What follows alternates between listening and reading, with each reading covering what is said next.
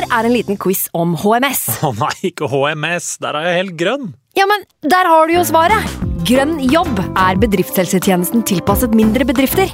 Våre HMS-eksperter hjelper mer enn 8000 bedrifter over hele Norge med alt fra lovpålagte HMS-krav til pålegg fra Arbeidstilsynet. Få på plass bedriftshelsetjeneste på grønnjobb.no. Hallo?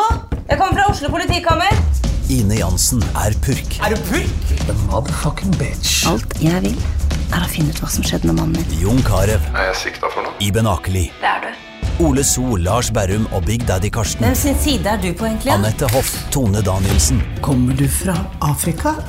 Jørnis Josef, Nesten. Kløfta. Trond Espen Seim, Det er synd å si det, men det var feil mann som døde. Purk. Premiere tirsdag på TV2 Play. Nå har vi starta. Fantasyrådet. Hei, og velkommen til podkast med Fantasyrådet. Fantasy, fantasy, fantasy. Topp 10 og topp 10 Hallo, hei, og velkommen til en ny episode med Fantasyrådet. Jeg heter Franco, og jeg har med meg mine to freaks and geeks, Simen Hei sann. Og Sondre. Hallo. Hallo, Franco. Hvordan går det med deg, Sondre? Jeg har det fint. Mm, har du det bra? Det er ikke så mye nytt å melde, men eh, det går bra. Det er eh, fire arbeidsuker igjen til sommerferie. Eh, vi er én uke nærmere fotball i Eliteserien, og nå har Obos-ligaen også fått litt grønt lys. Så nei da. Du har jo du har et lite spennende sideprosjekt, men det er kanskje bak lukka dører enda, eller? Kan ikke, kan ikke, kan ikke åpne døra på lettest på sløret her. Nei, vi, vi venter litt. Ja. Så, så, så skjer det nok noe i løpet av uka. Eh, Ok, ok. Ja. Simen, da? Hvordan har du det? Jo, alt, eh, alt vel. Eh, ikke så nærme sommerferie som Sondre er, men vi går jo mot lysere tider eh, i dobbelt eh, forstand, holdt jeg på å si. Så, så dette blir veldig, veldig fint utover dette her, altså. Veldig bra. veldig bra.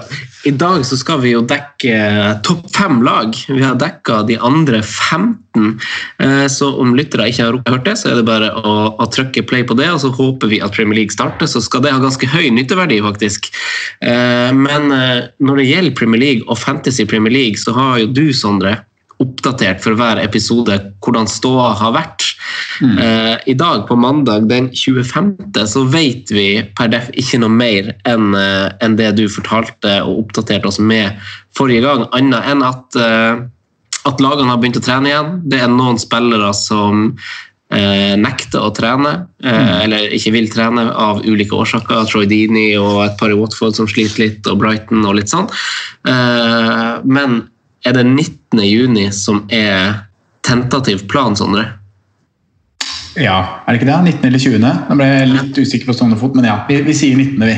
Ja, Det ble flytta fra 12. i hvert fall, og, og ei uke senere, var det ikke det? Stemmer. stemmer. Ja. Ja. Nei, Vi håper jo det blir litt Premier League-fotball. Får litt, uh, får litt fotballvibes på sommerkveldene. Der. Det blir deilig, det. I sommerferien. Mm. mm. Hva du sier Simen? Ja, det tror jeg hadde vært en veldig veldig god erstatning på, på det skal si det tapte mesterskap 20, som ble forskjøvet til 21. Hvem ville du heia på i EM? Nei, Simen. Altså, Hvordan, hvordan som landslag er det du liker? Altså, for Norge, det er jo lenge siden Norge har vært med, så man knytter seg litt til andre landslag. Hvem det er du har pleid å holde med i sånn mesterskap? det går litt ofte, ofte så går det litt på sånn spillestil, akkurat hvem som er der og da. Altså jeg velger, Ah, ja. ofte. Så er det noen lag du blir forelska i, sånn som Tsjekkia ble forelska i. For, eh, som kanskje er det prime-mesterskapet i forhold til min alder. da. Mm. Eh, eh, og de hadde jo fort vunnet det mesterskapet som uh, Hellas stjal der, om ikke Pavel Nedet hadde blitt skadet til semifinalen. Så, så det, det er fortsatt en av liksom, de tyngste sånn eh, ja, vakre historiene som jeg følte gikk feil. Da. Men mm. Italia var svak for Italia, selv om ikke de har den samme generasjonen som de har nå. Men det har vel litt også med eh, hvilken generasjon av italienske fotballspillere vi vokste opp med. Da. Herregud, for et galleri. Så um, har nok fortsatt en forkjærlighet for Italia, selv om generasjonen ikke er som den en gang var. Mm. Sondre, da? Nei, Det er ikke noe hemmelighet det at jeg også er veldig, veldig glad i Italia. eh, Og har eh, alltid hatt en, eh, et ekstra øye på de i de fleste mesterskap. Men jeg, det første laget jeg faktisk Fra det første mesterskapet jeg husker ordentlig, det var EM i 2000. Eh, Og det var vel i Belgia og Nederland. Og da var det eh, vertsnasjonen eh, Nederland som faktisk ble mitt favorittlag i det mesterskapet, og også Ja. årene etter. Eh, Og var spesielt Edgar Davids da, med, med brillene og, og sveisen som eh, fanget min oppmerksomhet. Og også Boer- De Boer-brødrene. og- Så jeg har alltid også likt Nederland, Nederland godt, altså. Mm. Men eh, å si noe annet enn Italia blir feil. Så vi er ikke så, vi så anglofile som det kanskje interessefeltet vårt eh, skal ha det til. Men det er jo litt sånn småkontroversielt å skal være sånn Italia-folk, hvor det er ganske mange som hater Italia også i sånne mesterskap. Ja. Og jeg jeg, har jo vært, jeg har vært en av de tror jeg, som ikke har noe sans for dem. Og så har jeg eh, Jeg vet ikke, jeg har også hatt en sånn greie for, for Nederland. Jeg har prøvd å grave litt i røttene mine. Han pappa er jo egentlig fra Sri Lanka, men så har han han har europeiske aner. Det hører man jo, altså Jeg heter jo ikke Ratnapuraganda til etternavn, som jeg fort kunne ha gjort. Så da måtte jeg grave litt, og, og slekta hans er jo fra Nederland og Frankrike, så da skjønner jeg jo hvorfor han pappa heier på Nederland. Så jeg var også sånn VM 98, da var det veldig på Nederland og Patrick Kluivert med cornerflaggfeiring og Sedorf og sånn, og kjenner jo igjen de du snakker om, Sondre. Men i senere tid så har jeg blitt litt Tyskland, og det handler litt om tror jeg, hvordan jeg syns eh, altså, altså, jeg, liker, jeg liker bare landet. Landet Tyskland. Jeg syns det er så godt drevet land at de gjør så masse riktig. Eh, at, eh, at jeg får litt sånn good vibes rundt et sånt clean og land. eh, Ting på greip i Bundesliga, og jeg bare, bare støtter det greia der. Ja, du er, jo, du er jo helt eh, riktig det du sier der. Det er jo en grunn til at Bundesliga er den første ligaen, bortsett fra Færøyene, da, som er oppe og ruller her. Og så regner vi ikke med Hviterussland, hvor, hvor de, de har ikke hatt pandemi i Hviterussland. Så. Hadde du replikk, Simen? Uh, ja, altså, men jeg har alltid vært glad i uh, det, det skjønner jo på en måte dere som kjenner meg godt, da, men jeg er alltid glad i lag og spillere som tøyer grensene. Uh, og da Ikke nødvendigvis at du skal gå over grensene, men lag som virkelig tøyer grensene og, og, og tyr til det maksimale for å vinne. Og Italia har jo vært ekstreme på det der, og mange søramerikanske lag er også ekstreme på det der. Men å bruke ok, Du er kanskje ikke best, du er kanskje ikke det beste laget, men du kan få eh, fotball er et lagspill og gjøre det maksimale for å eh, maksimere dine sjanser til å vinne. Da. Og det, De generasjonene i Italia vi hadde, både med fantastiske fotballspillere og kynikere og vinnerskaller og alt som var, det var helt fantastiske lag altså, på tidlig 2000. Og for noen typer, da. For noen fantastiske menn Italia har. ja, altså, det er Ja, ekle typer, nydelige typer, ut ifra Ja. hvordan du ser på dem. Altså, jeg skjønner at folk mislikte Francesco Totti og den gjengen der, men uh, for, for vi som på en måte har kanskje hatt et litt ekstra forhold til den, så elsker man jo mannen. Mm. Det er jo, og så du kan jo bare nevne i fleng på, på det, de elverne der. Mm. Men nei, Tyskland så- hadde svak- for dem. For så vidt enig i hva du sier, da, om at det er et land som har alt på stell og Bundesliga som er veldig fint drevet i forhold til mange andre europeiske Mm. ligaer, men aldri vært svak for sånn tysk maskinfotball. altså. Nei. Nei, jeg, bare, bare lik, jeg likte Frankrike også før, men det ble litt sånn ødelagt. Husker du hva Raymond Domenech eh, hadde de Det var, det var jo helt sånn altså de, Det var vel så vidt de kvalifiserte seg til det mesterskapet, tror jeg. Og så beholdt de liksom han i mesterskapet, og så gikk det helt sånn flaut dårlig. ikke det, er det Thierry Henry mot Irland? Eh, Hensen? Kan det stemme? Jeg husker. Jeg husker bare at det var så. Det var helt eh, sånn tragisk å se på. Og så syns jeg at Deschamps også egentlig har gjort masse rart, selv om det har gått greit. Eh, men de har så masse kule unge spillere, og hvis du både ser på FM og liksom hele Nå, har jo, nå er jo sikkert bare en tiende av dem, av dem eh, etnisk fransk 100% men eh, det er så masse kule unge spillere i Frankrike hele tida, syns jeg. Eh, og så har ikke han Deschamps brukt det like bra. Eh, skal vi snakke om det vi skal snakke om? Skal vi ta en liten pause, og så hopper vi på det? Over til å bli anglo anglofil igjen. Ja. vi må på- tilbake i rett spor. Ja. Yes, men da kjører vi jo i gang med selveste, som mange vil påstå, Manchester United. Ole og Bruno har jo virkelig fått fart i seilene etter dem ble sammensveisa. Ole har uttalt at stemninga er mye bedre nå kontra da han kom, Over det så kan man kanskje si at han har lagt litt press på seg sjøl og egne skuldre for å få litt kortsiktig suksess også, og da kanskje med tanke på Champions League. Tre seire og to uavgjort de siste kampene før pausen. Og mye av æren kan vel gå til eh, den spilleren og den spillertypen United tilsynelatende har savna i ei årrekke. Marcus Rashford han har vært ute i 13 kamper, men jeg besøkte menutd.com og så en Marcus tilbake på gressmatta.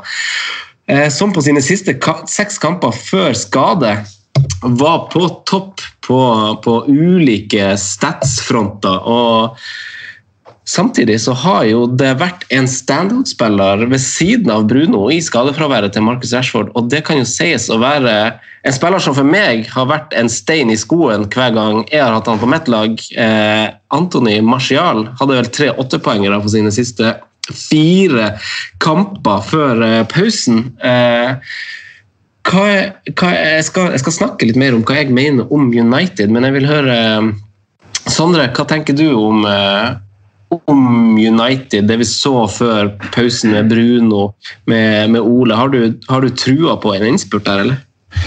Det vi så før, eh, før, pausen, var jo som du sier her, da de fikk inn den spillertypen som de eh, mangla. Eh, kall det gjerne en boksåpner. Eh, en spiller som kan, kan, gjøre det mot lag som ligger lavt. Eh, og han har noen Vi var jo veldig mange var veldig sikre på at det kom til å bra, for de hadde tydeligvis sett utrolig mye portugisisk fotball. Jeg hadde ikke sett så mye av Bruno Fernandes, så jeg var spent. Eh, mm. og jeg må si at han har overbevist. Så det ser jo på, på, på, på, Hvis du da legger inn at Rashford er tilbake og Martial viste kjempeform, så ser det jo lyst ut for en innspurt. Eh, programmet er jo også ganske fint hvis man ser på, på, fargekoder og sånne ting. Men det er jo da lag som selvfølgelig kommer til å kjempe hardt for å overleve. Men nå har jo også United en, eller Manchester United en Champions League-plass å, å, spille for. da. Mm. Eh, Eh, det Solskjær, Solskjær, sier om uh, god stemning i troppen og sånne ting, det er liksom forpliktende til å si. Uh, mm. Så hvor mye det har å si, det vet jeg egentlig ikke. Men uh, det, ser, det, det, det, ser, jo lovende ut, og Bruno Fernandes-signeringen var veldig viktig. Mm. Simen? Men det hadde vært rart om han hadde sagt noe annet, Sondre. Mm. det var veldig dårlig stemning i troppen. Ikke sant? Eh, da hadde jeg begynt å, å stusse. Men, men, noe av det viktigste også som de har, United har klart på den uh, ferden de har hatt denne våren, da, hvor de virkelig har fått fart på etter hjulet til Ole Gunnar, så, så er det også å få i gang uh, en midtbanespiller som faktisk er veldig god, i Fred. Mm som egentlig har vært i dvale siden de har kommet. og mm. Jeg så jo han også eh, i en kamp hvor United egentlig ikke var, var, så dårlige, men de ble egentlig kjørt. og Jeg var jo på Anfield, eh, 2-0-kampen der, og Fred var fantastisk også i den kampen der. Eh, og, og, siden det også så har han egentlig vært veldig god. Og mm. det, sammen med en McTominay som på en måte gjør jobben. Ja, han er vel også tilbake nå. Eh, ja, så, mm. så tror jeg liksom de to kan danne en brukbar grunnmur da, bak det som uh, skal bli Brunos lekegrind. Mm. Så, det, er, det, er, litt mer fart og litt mer spennende med, med Bruno Fernandes inn i det United. Det gjør liksom et ganske nitrist lag til et noe bedre, mm. men så er de fortsatt litt for avhengig av kanskje spesielt to mann offensivt, syns jeg. Ja, men Det kan vel tenkes at, eh, at United, som, som, Tottenham og Villa og et par lag vi har vært innom, kanskje dra litt nytte av pausen. Én ting er at de, at de får spillere tilbake fra skade, som jo på starten av sesongen skulle være sentral i laget med McTominay og Rashford. Eh, og så slipper de jo da å bruke spillere som åpenbart langt under pari, som eh, Pereira og Lingard og, og, de gutta der som rett og slett ikke er gode nok, eh, virker det som. Og så tror jeg også, som Sondre er inne på, liksom, at de har det ganske mye i egne hender. Når man ser på kampprogrammet, så er det jo veldig veldig grønt. Eh, det er veldig fine kamper. og Ser på tallene som jeg har brukt Fantasy Football Scout til, seks siste kamper, så, så har de sluppet til færrest store sjanser av eh, samtlige lag, eh, som er veldig bra defensiv statistikk. Men samtidig så har de skapt Det er litt sånn der eh, gjentagende, føler jeg. Skapt færrest store sjanser av alle lag. Og jeg, føler ikke at vi trenger å å, å gjenta hva en stor sjanse er, for de har hatt mange skudd i boks. Eh, og har skåret litt på dødball og kommet litt, eh, litt sjanser pga. det. Har skåret åtte mål på de siste seks kampene og stemmer greit overens med expected goals, men tradisjon tro så har de vel hatt en del et straffespark, eller to, tror jeg. Eh, og jeg har av en eller annen grunn eh, havna i en situasjon hvor jeg har to United-spillere i mitt lag. Eh, på bakgrunn av det vi så før pausen og på bakgrunn av kampprogrammet som er etterpå. Og Jeg er litt redd for at dersom det hele starter igjen, og, og det her laget mitt skal gå framover, at jeg står igjen med et bein i bjørnefella. Altså. Det, det, må jeg innrømme. Eh, så, så, jeg vet ikke altså Jeg har Harry Maguire i laget mitt, og jeg har eh, Bruno Fernandes, som jeg var ganske rask altså Jeg brukte et av de tidlige byttene etter pausen på å få han inn. Eh, hvordan står du, Simen? Eller nei, Sondre, du rakk opp hånda her nå. Nei, jeg ville, ville, bare følge opp den du Jeg tenkte det var helt naturlig. Bruno det er jo det er ikke noe bjørnefelle å gå i. Eh, der står det godt, og jeg gjør det selv. Eh, men jeg har jo kikka litt på også en defensiv eh, inngang der, da, i og med at de nå før eh, korona hadde Jeg tror de hadde tre clean sheets på rad på hjemmebane. Mm. og så bedre ut defensivt enn hva de kanskje har gjort tidligere. Eh, og det at eh, spillerne jeg snakker om, har sett litt sånn friskere ut på det offensive. Da. Og det er Aron van Bissaka. Ja. Høyrebekken. Og han ligger på samme pris som Harry, som du har satt inn. Så mm. jeg vet ikke om jeg Skal kjøre noen sånne argumenter for å gå Hvorfor tok vi Harry over Bisaka? Jeg tok Harry på Altså fordi jeg følte meg eh, altså Van Bissaka er jo trygg, så det er jo litt sånn uh, invalid uh, argument å bruke, men uh, Dødball? ja, altså han har jo en historikk fra å være masse frampå på dødball. og han har også hatt de underliggende tallene med seg også i United. Mm. Og vi snakka om det i en podkast, jeg husker ikke hva det var, sikkert i januar, eller noe sånt, at, at det var en forsvarsspiller som hadde kanskje fått dårligst betalt.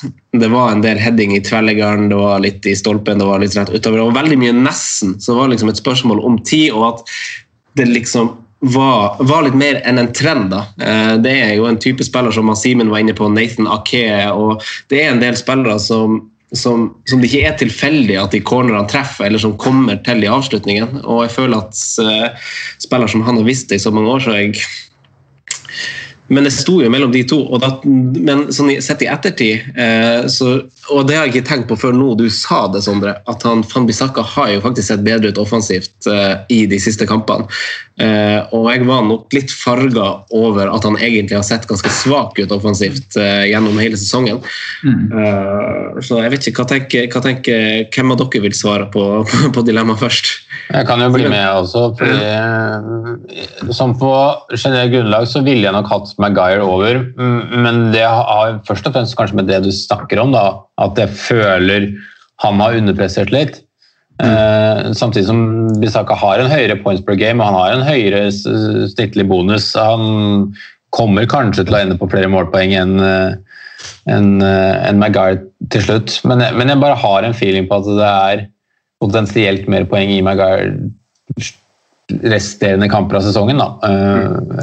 enn det er i, i Fambisaka. Og så er det jo ja, men det er, det er et så å si dødt løp. Jeg tror det er ett fett hvem du tar, sånn helt ærlig. Mm. Ja. Men er det, er, er det, der at vi Er det verdt prisen, da? Betale en 5-3 for en defensiv United?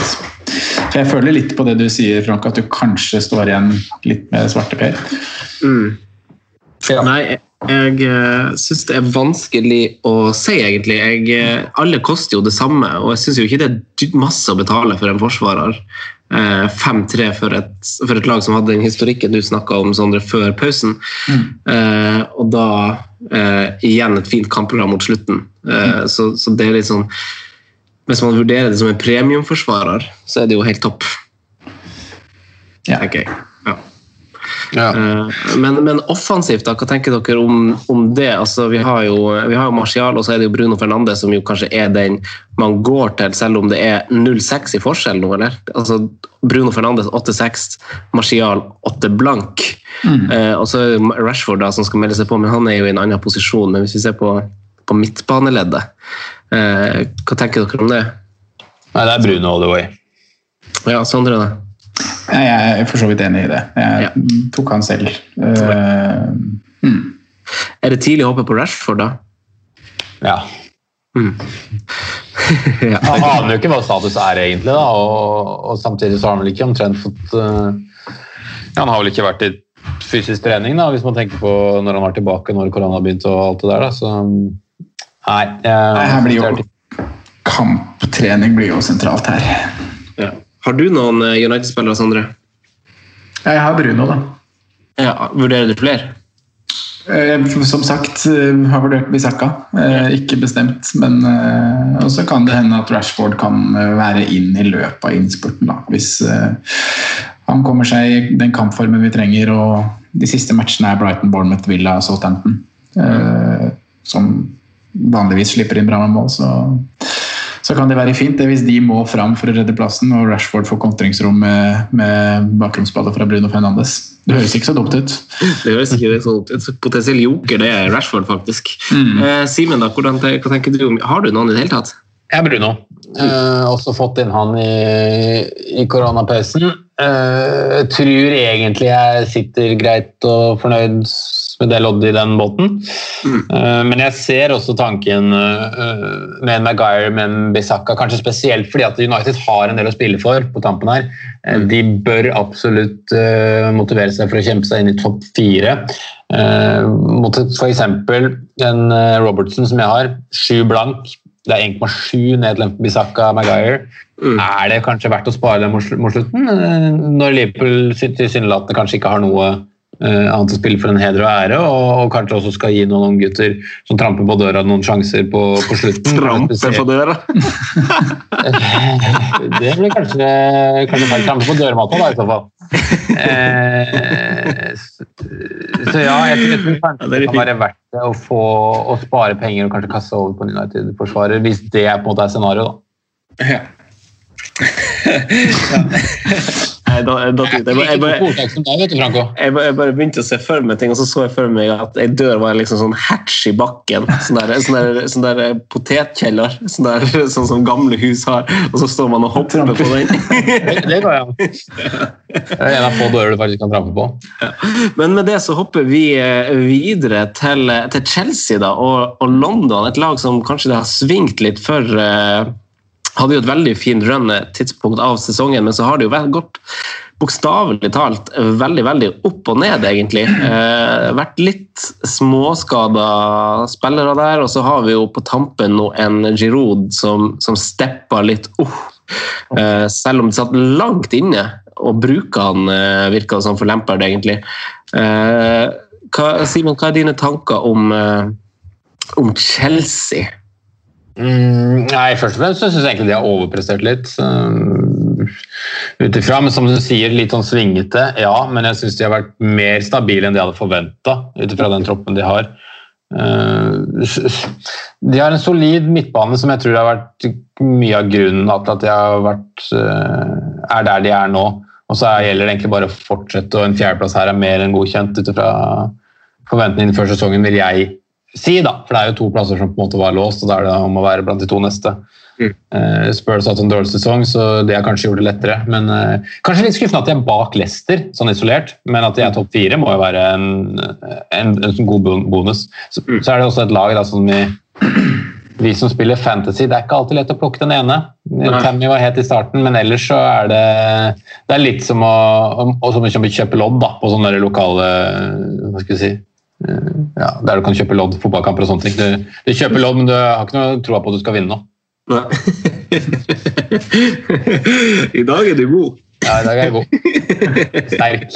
Eh, Sondre, eh, kampene kampen til Chelsea er jo på papir ganske fine. Det er også et lag jeg egentlig har skrevet ned i Excel-arket mitt for lenge siden at, at jeg hadde vurdert å sette inn Tammy igjen på tampen eh, når han var tilbake fra skade. Eh, Alonso var jo litt poppis, spilte seg litt varm i trøya. Nå kanskje Pulisic tilbake. Eh, du kan jo ta et sånn overblikk over hva du syns om Chelsea før vi kjapt tar defensivt og offensivt. Men hva, hva er dine tanker om, om Chelsea? Jeg deler jo synet til Simen her, egentlig. At det, det har vært ujevnt, som du sier, men eh, det måtte vi bare forvente. Og prestasjonen, det å ligge på en fjerdeplass nå, må jo være veldig må være fornøyd med det. Veldig bra. Uh, ung stall, transferband. Eh, jeg syns de har gjort en, en god jobb, jeg. Eh, og sånn, hvis du ser på programmet, så er det, det er jo tre kamper du kanskje helst ikke har lyst til å eie noen. da, hvis, Som kommer på rekke og rad mot Liverpool, City og Wolverhampton. Eh, selv om to av de er hjemme. Eh, men sånn ellers enn det så er det en fin innspurt for Chelsea sin del. og Personlig sitter jeg på Alonso, som var, eh, var en av de som eh, fikk en liten sånn oppblomstring igjen før, eh, før koronatiden. Han har jo sine perioder, det vet vi. Eh, så får vi bare se hvordan status er der nå, når, når vi kommer tilbake. Mm. så har de jo da en, en eh, Dere nevnte det kanskje begge to, men Pulisic eh, nærmer seg vel tilbake. Tammy har vel kommet seg i, i full trening igjen. Så det er noen spillere som har kommet tilbake nå da, i den pausen vi har hatt. Mm. Ja, du, du nevner jo Alonso. Han er jo gått opp han gikk, rakk jo opp i pris før pausen til 6,1, og det er jo på bakgrunn av at han hadde jo fire målpoeng på tre kamper. Eh, tre mål og én assist. Eh, Og, og i to av de tre kampene så slapp jo Chelsea inn mål. Så for dem som hadde gått for en alternativ løsning, ikke at det kanskje er noen akkurat nå i Chelsea, så, så, er, så er det jo den følelsen man ofte får med Anna Alonso for dem som gikk eh, Tomori en periode, eller Aspi eller, eller Zuma for den saks skyld. Så, så er det Alonso ved siden av når han slipper inn mål, og så leverer han målpoeng. Eh, men du har han altså på laget ditt, Sondre? Ja, jeg satte den på på wildcardet mitt. Eh, ja, fikk, jo med meg, fikk jo med meg Everton clean sheeten der. Og han var jo veldig nære mer poeng i den matchen òg. Så klart. Så ja, det var jo det var en grei mann å sette på det når man skulle wildcarde på det tidspunktet jeg gjorde. Og da også med noen dobbeltrunder som eh, var på trappene, da. Så jeg tenker jo at det, det blir en mann jeg kommer til å satse på i en eventuelt innspurt. Altså. Jeg gjør nok det. Si, hva tenker du da, Simen, om, eh, om kanskje spesielt Alonso, nå når eh, troppen er tilbake og tilsynelatende skadefri? Kan man stole på at han på han som et valg, da, for hvis han spiller, så er han jo kanskje det beste forsvarsvalget i hele, i hele fantasy-spillet. Men eh, stoler du på at han spiller når Emerson nå er frisk osv.? Med historikken så kan man jo egentlig ikke det. Hvis du ser tilbake på, på denne sesongen her, så har han jo Det er tre kamper på rad han har spilt, for han plutselig var, ikke spilte et minutt siden Genvik 18. Eh, og der hadde han, før det så hadde han også sju-åtte kamper hvor han ikke spilte et minutt. Så det er en litt sånn vanskelig situasjon med Alonso, men formen hans da når vi liksom fikk eh, lockdown og sånne ting, tilsier noe helt annet. Han var en mann som var on fire, og det var egentlig en mann som prega også det offensive til Chelsea. hvordan de fram, eh, sto fram. Så mm, eh, Jeg vil si at han eh, Hvis jeg må liksom ta et standpunkt, så tror jeg ja, jeg tror han er et greit valg mot slutten. Og, og som du sier, da, kanskje det beste offensive valget når han faktisk spiller.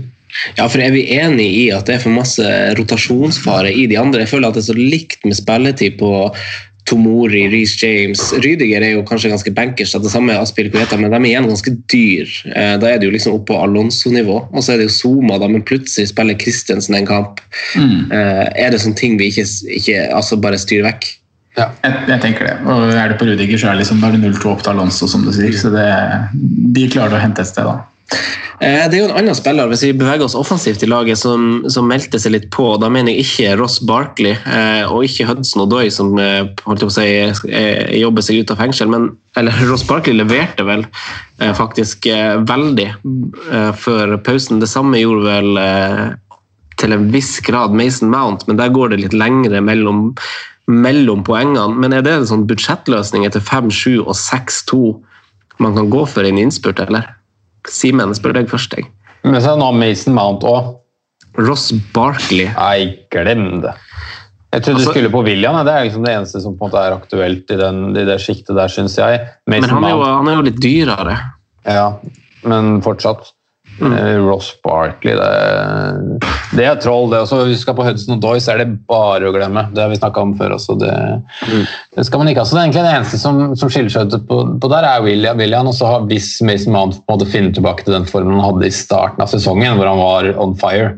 Eh, men det, viste, det var viste ikke tendensene til, til her på slutten. Og så er det litt sånn som vi har innom veldig mange ganger når vi prater Chelsea, og det er et ungt lag som vil variere mye. Og da vil du kunne få noen sånne runs, og så vil du ha lengre tørkeperioder. Um, men det er, jeg synes den midtbanen er Egentlig hele offensivet til Chelsea syns jeg egentlig er ganske usexy. Uh, fordi at du har så variasjon både i prestasjon i klubben og med hvem som faktisk er den ene spilleren som står frem. da. Jeg tror jeg og Sondre begge er enig i det, i hvert fall angående midtbanen. Det blir en litt sånn labyrint man ikke vil bevege, seg ut i.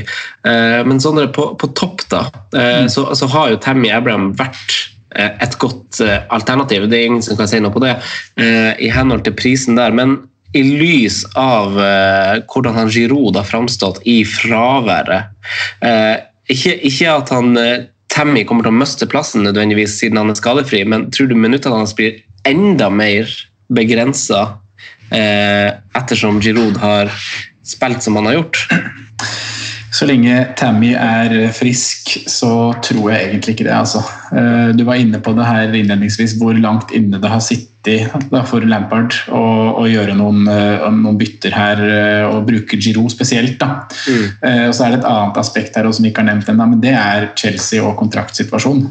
Eh, Både William, Pedro og Girovel er vel alle spillere som egentlig ikke har kontrakt fra 30. mai, eh, og da skal over på den her måned-til-måned-kontrakten som vi så vidt har vært innom tidligere. Ja. Og egentlig kan de kan jo sette seg på bakbeina og si at vi er ikke med lenger, vi er ferdige nå. Eh, Det tror jeg ikke de kommer til å gjøre, da. men sånn for, for Lampard sin del så tror jeg jo faktisk det kan påvirke litt. At man da ja, du, du har en spiller som du vet ikke spiller her neste år, eller som ikke skal ha kontrakt her neste år. Hvorfor skal jeg, hvorfor skal jeg bruke han da? Eh, William og Pedro er en litt annen situasjon rundt de, da, for det er jo såpass mye bedre i kvalitet enn hva alternativene er. Men eh, ja, Simen.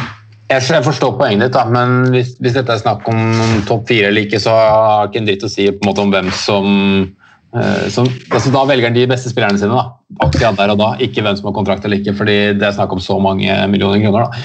Eh, og også, ikke bare millioner kroner, men det er snakk om det å spille Champions League neste år. Du kan få mer spillere. altså Alle vil være i Champions League. da. Mm, absolutt. Altså, Hvis vi skal tilbake til det poenget med, med Abraham Giroud da. Eh, Jeg er enig i, i statementet til Sondre, at jeg tror ikke det har så mye å si. Men hvis vi skal gå på detaljnivå, som det Frank Hård spurte om, om det har noe å si på minutter, ja, definitivt. Fordi han kommer til kanskje til å gå til en plan B hvis ikke ting går. Dytte inn Giroud, som faktisk har sånn spillestilsmessig mange flere strenger å spille på enn Tammy Abraham. Men han gjorde jo ikke, han, jeg er for så vidt enig i at han i hvert fall burde gjøre det, men han gjorde jo ikke det tidligere i sesongen. øh, I de situasjonene. Så valgte han jo å la Tammy stå stort sett 90 alltid, selv om de slet. Selv om de skulle måtte kanskje endre kampbildet. Det var heller andre ting som ble gjort. Men mm. jo, han visste jo da om Giro sine kvaliteter og ja. Men har er det bare noe det å at han si med spilte den litt bedre. Liksom. Ja, det det. Han hadde en voldsom run som egentlig Det er jo tre Hvis du ser på Tam, Abrahams sesong, da, så har du tre, kamper i runde tre, fire og fem hvor han skårer eh, sju mål. Ellers der så har han skåret like mange mål på resten av de eh, 26 kampene. Eh, så det er en spiller som har hatt egentlig en sånn Timo Pukki-periode, eh, og så vært ganske død ellers. Sånn egentlig, hvis man ser det sånn med objektivitet. ja. Jeg ser jo de samme tallene, jeg er helt enig, men øh, Og så var vel Batshuayi var vel andrevalg der supersub en periode. Det fungerte dårlig og fikk vel sjansen også da, da Tammy ble skada, uten at det var noe, noe suksess. Eh, skal vi hoppe til neste lag? Det er da Leicester, og det er jo Det blir jo kanskje litt å gå i samme gata, for de hadde jo også et veldig, veldig fint run eh, før jul, og, og fikk jo en fin kamp nå før eh, før pausen med 4-0 over Aston Villa. Jeg vet ikke om folk husker det godt, men da var han eh, Jamie Vardy var ute mot Norwich. Han var tilbake på benken mot Aston Villa, kom inn og skårte to mål og redda vel ganske mange folk, og sendte oss som ikke hadde han, litt ned, egentlig. Og, og svei kanskje litt ekstra for oss som, som satt litt med han og venta på det runnet her, og bytta han ut på wildcard. Eh, den runden der, Da snakker jeg i hvert fall for meg sjøl. Eh, men, men Lester eh, Jeg hadde jo egentlig mista litt trua. Og de var vel ikke årsaken til at jeg kjørte wildcard, men litt tøft kampprogram. Det snudde litt. Det fineste programmet var over. Sondre, dine tanker om Lester, det vi har sett, og det vi kan i, i gåseøynene forvente? Nei, Leicester har imponert i år. Uh, og egentlig da det er, litt rart å si det at egentlig så er jeg litt sånn småkvalm når man snakker om Leicester og Fantasy, fordi man har egentlig bomma litt. da, og Det er jo Vardi-perioden som du refererer til her, Franco. og Jeg var jo i samme situasjon som deg, at jeg satt med han ned og venta, venta, venta, og så tok han ut på det wildcardet, og så kom de skåringene som selvfølgelig måtte komme så nære han hadde vært. Mm. Uh, i, i ja, øh, mot slutten der. Men de har jo skaffa seg en god posisjon. Har en fempoengs luke ned til Chelsea. Åtte poeng ned til United på femte, så, så det ligger jo an til at de kommer til å, til å få en Champions League-plass her, som er kjempebra og kjempeimponerende. Og innspurten sånn Jeg har ikke sett på pictures, men det er, det, det er jo en, ganske tøffe kamper, da. Ja, det er det. Har, eh, så de, de, må jo virkelig mobilisere for å, for å, få De kan jo avgjøre mye selv her, da, med å både spille mot United, med å ta Arsenal, med å ta mm. ja, noen av de lagene som ligger rundt.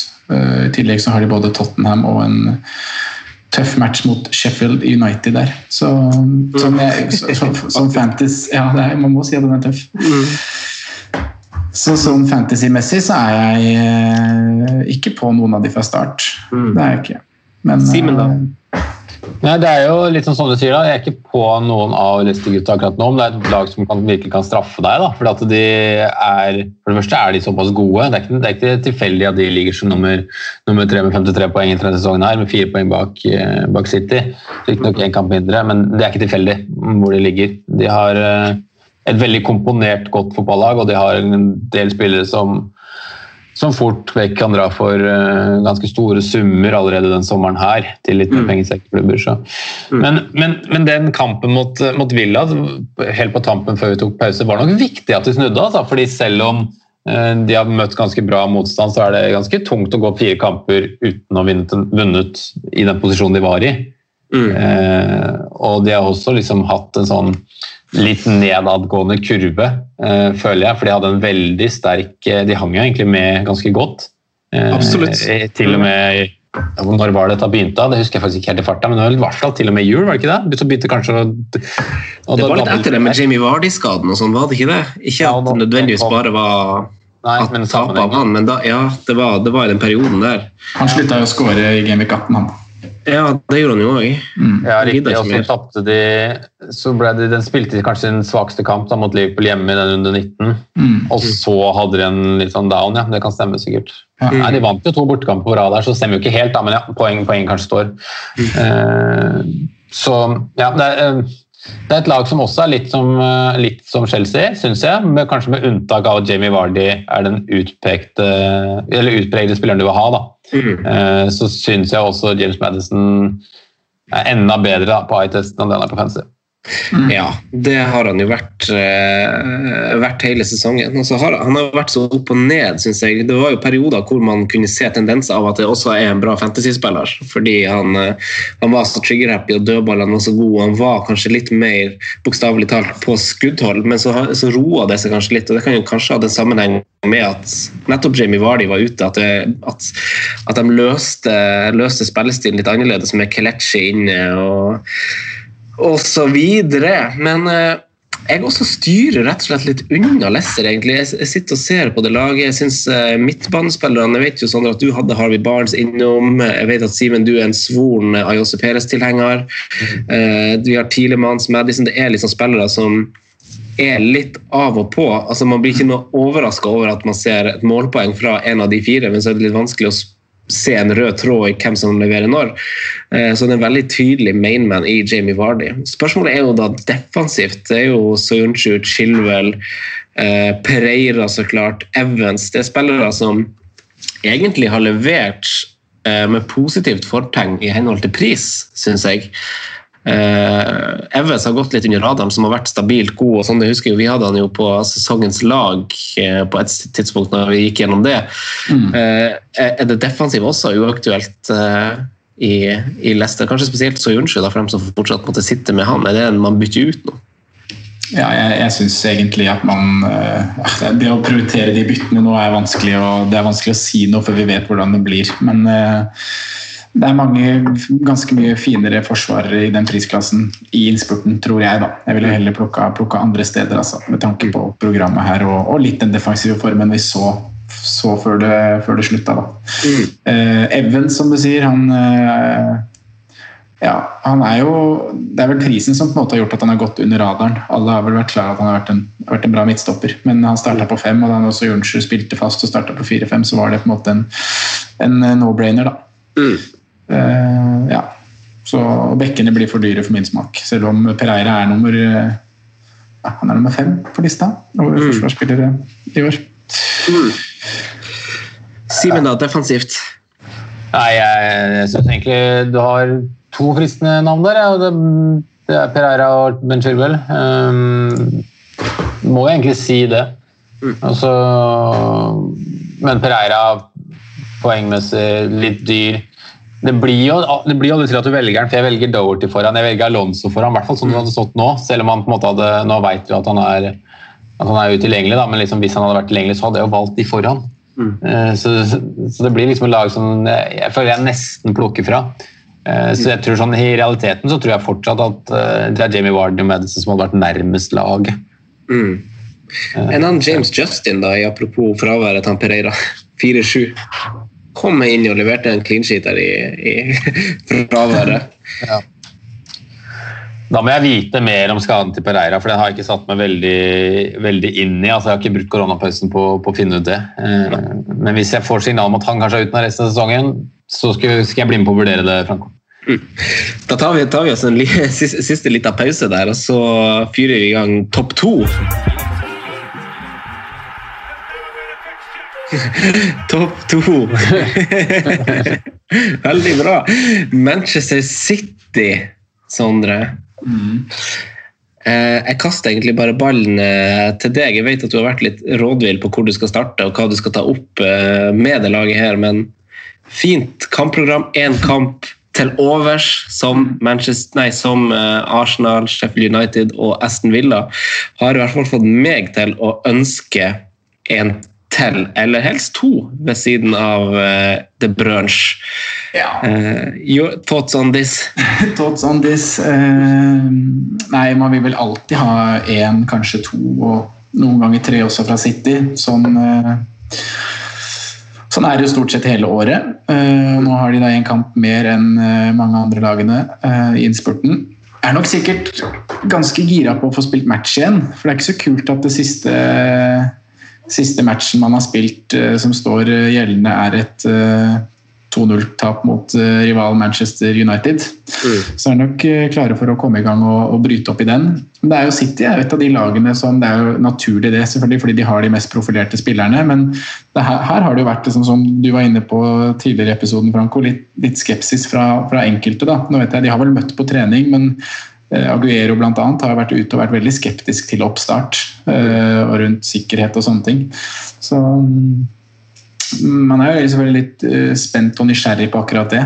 Eh, men ja, nei, de kommer jo til å vinne mange kamper, og Kevin De Bruyne jeg vet ikke, jeg tipper han eh, fortsatt er like god som han var før, eh, før pausen. Noe som betyr at han mm, skal man bare ha med seg. Eh, og så er det da hva man har lyst til å plukke, plukke rundt det. da. Eh, Personlig så har jeg Aguero inne, eh, fordi han var med på wildcardet mitt og skulle spille dobbeltrunde, og var jo kaptein til og med. Ja. Eh, Så jeg må se litt hva jeg gjør rundt den. Eh, Klart det er fristende å ha med han inn i Brighton, Arsenal, Bournemouth og Burnley der. Jeg må, må jo si det. Mm. Mm.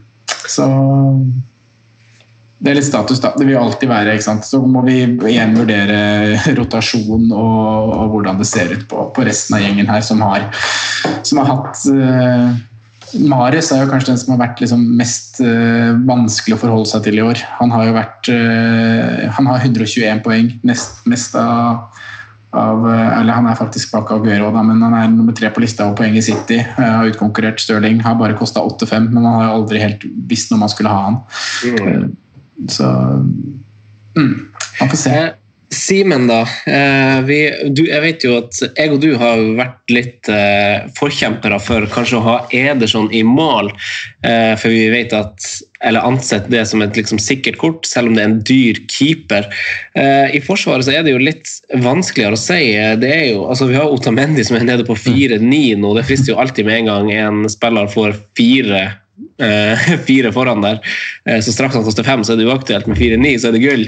Uh, så det er jo defensivt. Vil man inn der? Laporte er jo sikkert klar. og så har vi Stirling, som, som, har vært en skygge av seg sjøl etter den Liverpool-kampen. Alle liksom kommer seg ut der. Hva, hva, hva er, de, er det en joker, Simen? Er Stirling en joker? Og de vurderingene City vil jeg ha svar på. Ja, Stirling, om Stirling er en joker, absolutt. Det kan hende at han har fått brukt denne pausen til å bli kvitt de jeg vet ikke, issuen han har hatt og, siden. Altså, det er jo en, antageligvis en, bare en, eh, en formdupp sammen med kanskje en litt sånn selvtillits... Uh, hva skal man det? Eh, mista litt selvtillit. For vi vet jo hvilke kvaliteter han har, og ekst ekstremt godt hvorfor de kvalitetene passer så godt inn i måten Pep Guardiola vil spille fotball. Mm. Eh, spørsmålet er jo også motivasjonen her da, til City. Eh, om, om, Premier League egentlig bare er for å holde i gang spille attraktiv fotball, eller om de, for de har jo ikke noe å spille for. Eh, den, den topp fire-plassen kommer de til å få. Det er tolv poeng ned til uh, nummer fem. De kommer de ikke til å tape. Uh, så det, det, aner egentlig ikke hvordan City vil, vil, stå fra meg, selv om jeg forventer at dette er en, et lag med profesjonelle fotballspillere og en ganske leken gjeng. Så de vil nok ut av hver gang de spiller for å vinne uansett. Det, mm. Men om det på en måte er et veldig motivert lag, om det blir veldig mye rotasjon Jeg har ikke peiling på hvordan City kommer til å fremstå. Så jeg ville vært litt påpasselig, men jeg har um, jeg har, som du nevner, Ederson inne på laget. Du har det, ja? Mm. Så du har Ederson og De Bruyne? Ja. Da vil jeg påstå at du er ganske godt skodd for en, for en innspurt bare ved de to trekkene der, altså. Ja, jeg, jeg tok inn Ederson. Det var omtrent det første koronamovet jeg gjorde, tror jeg. Uh, ble endelig mulighet til å bli kvitt med Matt Ryan. Vi eh, tok inn Ederson, så da skal vi ikke se bort fra at Matt Ryan kommer til å utkonkurrere Ederson ut sesongen. Det er Klikk den. den altså, jeg, jeg, har vurdert å altså, jeg har vurdert å, hvis det starter opp igjen, å ta ut han Sala. Uh, for, uh, og jeg vet jo sånn at Du har nesten vurdert det motsatte av det jeg skal si nå, men for å få på Mares og så og så en til god spiss da, eh, ved siden av for de Sala-pengene. Eh, det avhenger litt av hvordan serien legges opp, eh, og det avhenger litt av hvordan vi får inntrykk av at Liverpool skal avslutte sesongen. Det er jo ikke så langt unna et seriegull der, og hvordan kommer de siste kampene til å være, kan man bare spekulere i. Sondre altså, Er det uaktuelt å liksom kjøre inn Mares? Sånn? Altså, er det bare jeg som er litt sånn der den sesongen her eh, Samme om det skal avsluttes, så, så, får jeg litt lyst til å ha det litt artig, liksom. Og, og prøve på litt ting. At man, man, må gjøre det beste ut av det, og da må man rett og slett ta litt sats. Ja, men det tenker jeg at det er jo akkurat tida for å gjøre noe sånt. da. Det, man kan jo kose seg litt nå, så det, det støtter jeg helt. Eh, og å sette inn Mares Helledussen for en, eh, for en sesong han egentlig har hatt, da, tross at han bare har spilt uh, 1382 minutter. Uh, så Han har skåra syv mål og har ti assist. Uh, Fantasy-mål, fantasy-assist. da. Mm. og Det er nesten at han er, han er borti noe hver gang han spiller. Mm. Så jeg jeg syns det er helt greit, det. Holdt jeg på å si. Det er litt sånn hva, hva, hva, du legger i og hva du har tenkt å gjøre nå den siste tida. Det blir en tullete avslutning uansett, så hvorfor kan man ikke bare kose seg litt med å gjøre et sånt hvor man kanskje ikke hadde gjort hvis det hadde vært en ordinær avslutning og det hadde kjempa med topp 10 000-plass. Ja. Jeg holder hvert Stirling og Mares eh, ganske høyt ved siden av De Bruyne, faktisk. Og jeg kan jo avsløre at jeg er egentlig litt fysen på å få en av dem inn. Skulle gjerne hatt inn en forsvarer òg, men jeg syns liksom Laporte blir for dyr. Eh, Kyle Walker har jeg ennå ikke tilgitt. Otta Mendy stoler jeg ikke på. Mendy, hva, hva, hva skjer? Jeg tror bare, jeg tror bare han Pep er ferdig med han. Jeg orker ikke mer av de greiene der. Nei, Eh, ja, jeg hadde jo to 90 minutter rett før pausen her, da.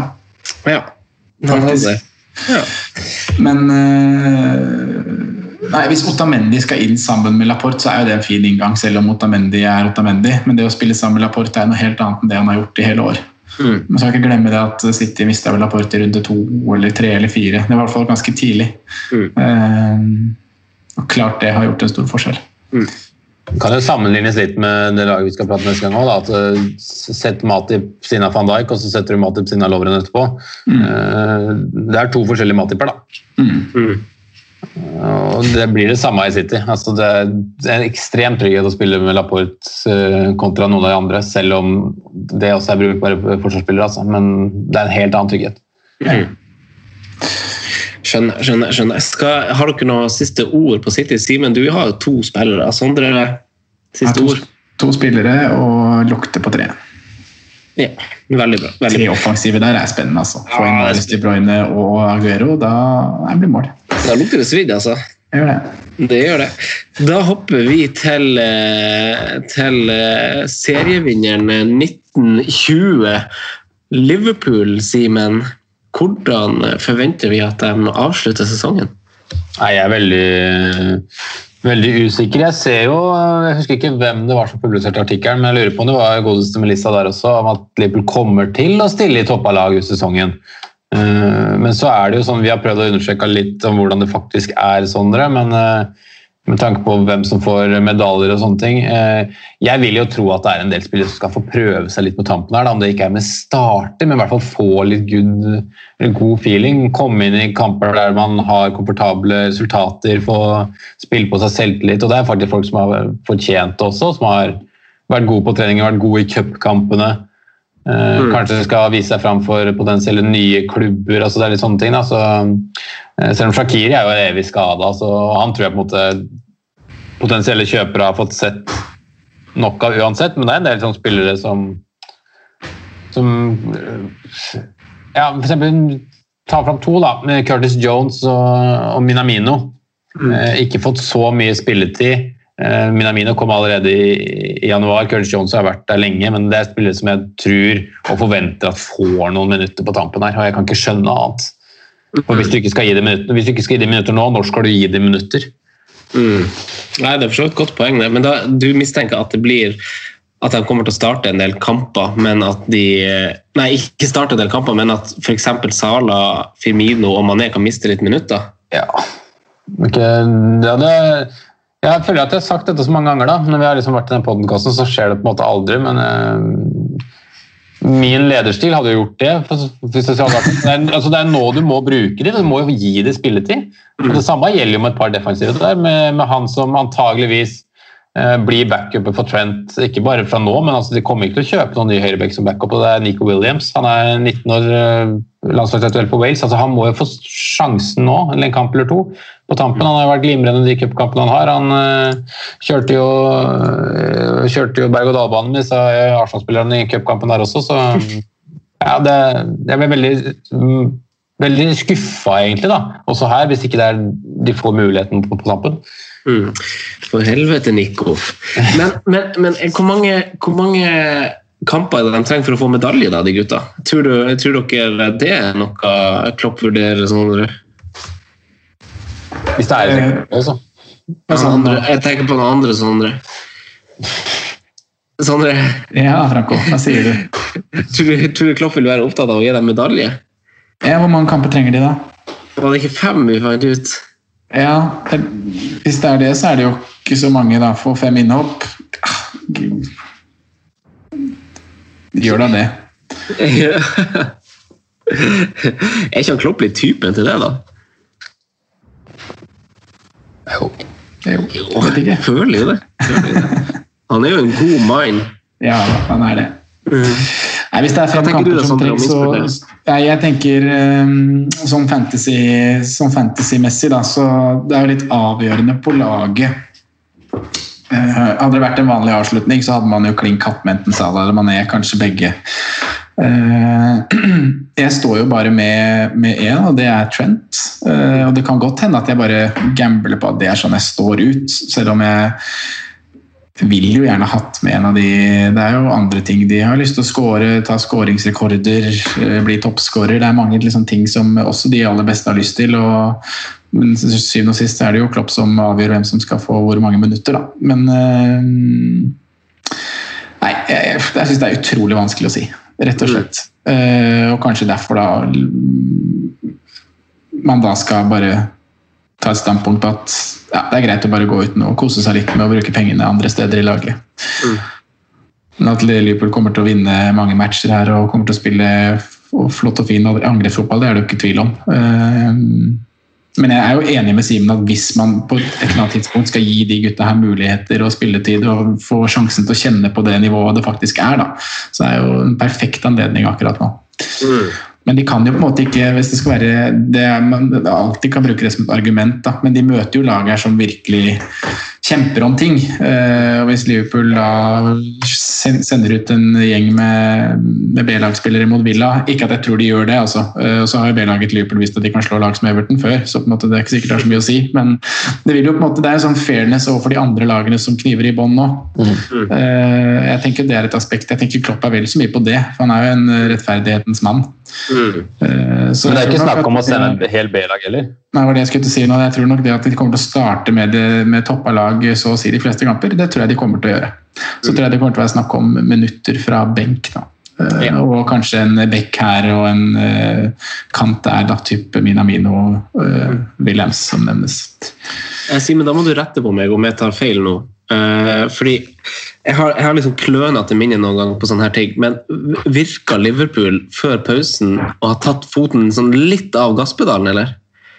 Ja, jeg, nei, både ja og nei. Altså, jeg føler ikke at jeg har tatt foten av gasspedalen, men jeg følte at det var noe som skurra. Ja. Altså, altså, fortsatt like mye gass, men det bare funka ikke. Det var noe som lugga. Det var eh, Atletico Madrid-kampene er jo vanskelig. altså Du møter Atletico Madrid, jeg skal ikke si, si noe annet. Men bortekampene fikk aldri noe, fikk aldri satt noe press. Hjemmekampen er jo faktisk en av de beste jeg har sett av Liverpool, selv om man taper ja eh, den, var, den var helt rå, faktisk. Ja, stemmer det. totalt. Men Um, nei, Watford-kampen er bare sånn som kan skje. Men bare at det var så veldig rart at det skjedde fordi Liverpool virka uh, rett og slett uh, us- ustoppelige. Og tape 3-0 på en skikkelig skrell.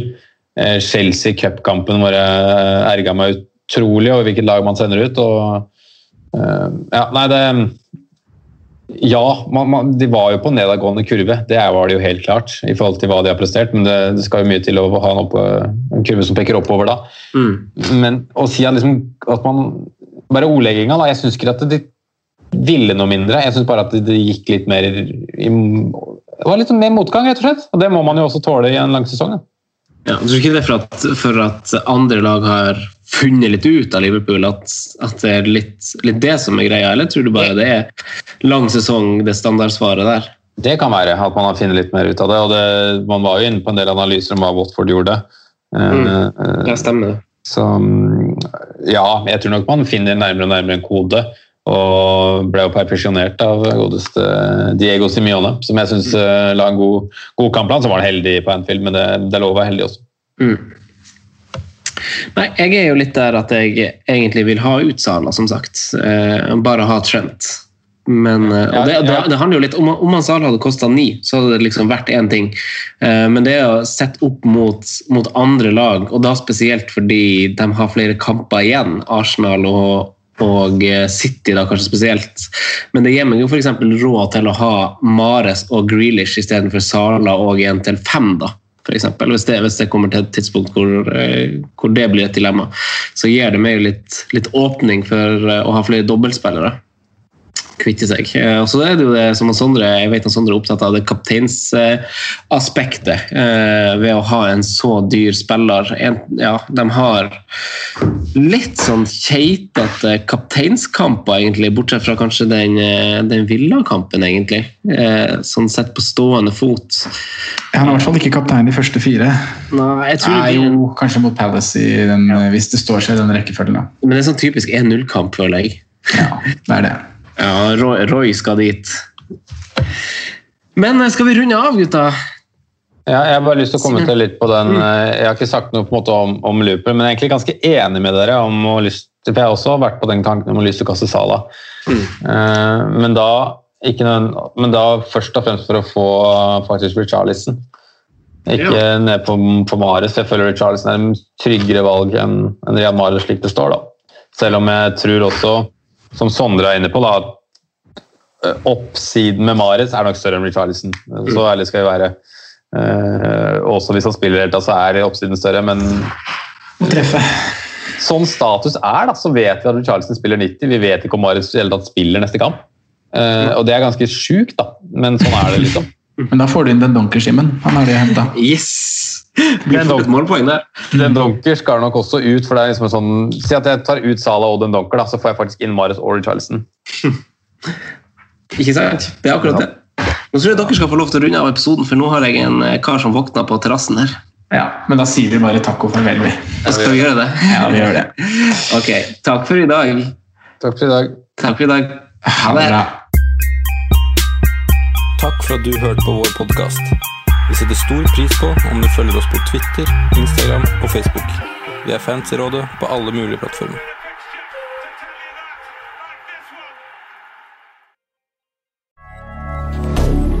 Moderne media. Ukens annonsør er Folio, en smartere banktjeneste for deg som har en egen bedrift eller ønsker å starte for deg selv. Folio er en superenkel nettbank for bedrifter. Som kunde i Folio får du en bedriftskonto med et bedriftskort og app. I denne appen er det smarte løsninger som forenkler regnskapet ditt, uansett om du har en liten bedrift eller et enkeltpersonsforetak. Folio er både intuitivt og brukervennlig, og er laget med et enkelt språk. I tillegg tilbyr de forutsigbare priser og ingen skjulte gebyrer. Skulle du likevel trenge det, så kan du snakke med deres raske og hyggelige kundeservice, og der får du prate med en faktisk person og ikke en chatbot. Folio er med andre ord både enklere og koseligere enn banken. Over 10 000 bedrifter har allerede valgt Folio som sin banktjeneste, så besøk folio.no og se hvordan Folio kan forenkle din hverdag også. Har du et enkeltpersonforetak eller en liten bedrift? Da er du sikkert lei av å høre meg snakke om hvor enkelt det er med kvitteringer og bilag i fiken, så vi eh, gir oss her, vi. Fordi vi liker enkelt. Fiken superenkelt regnskap.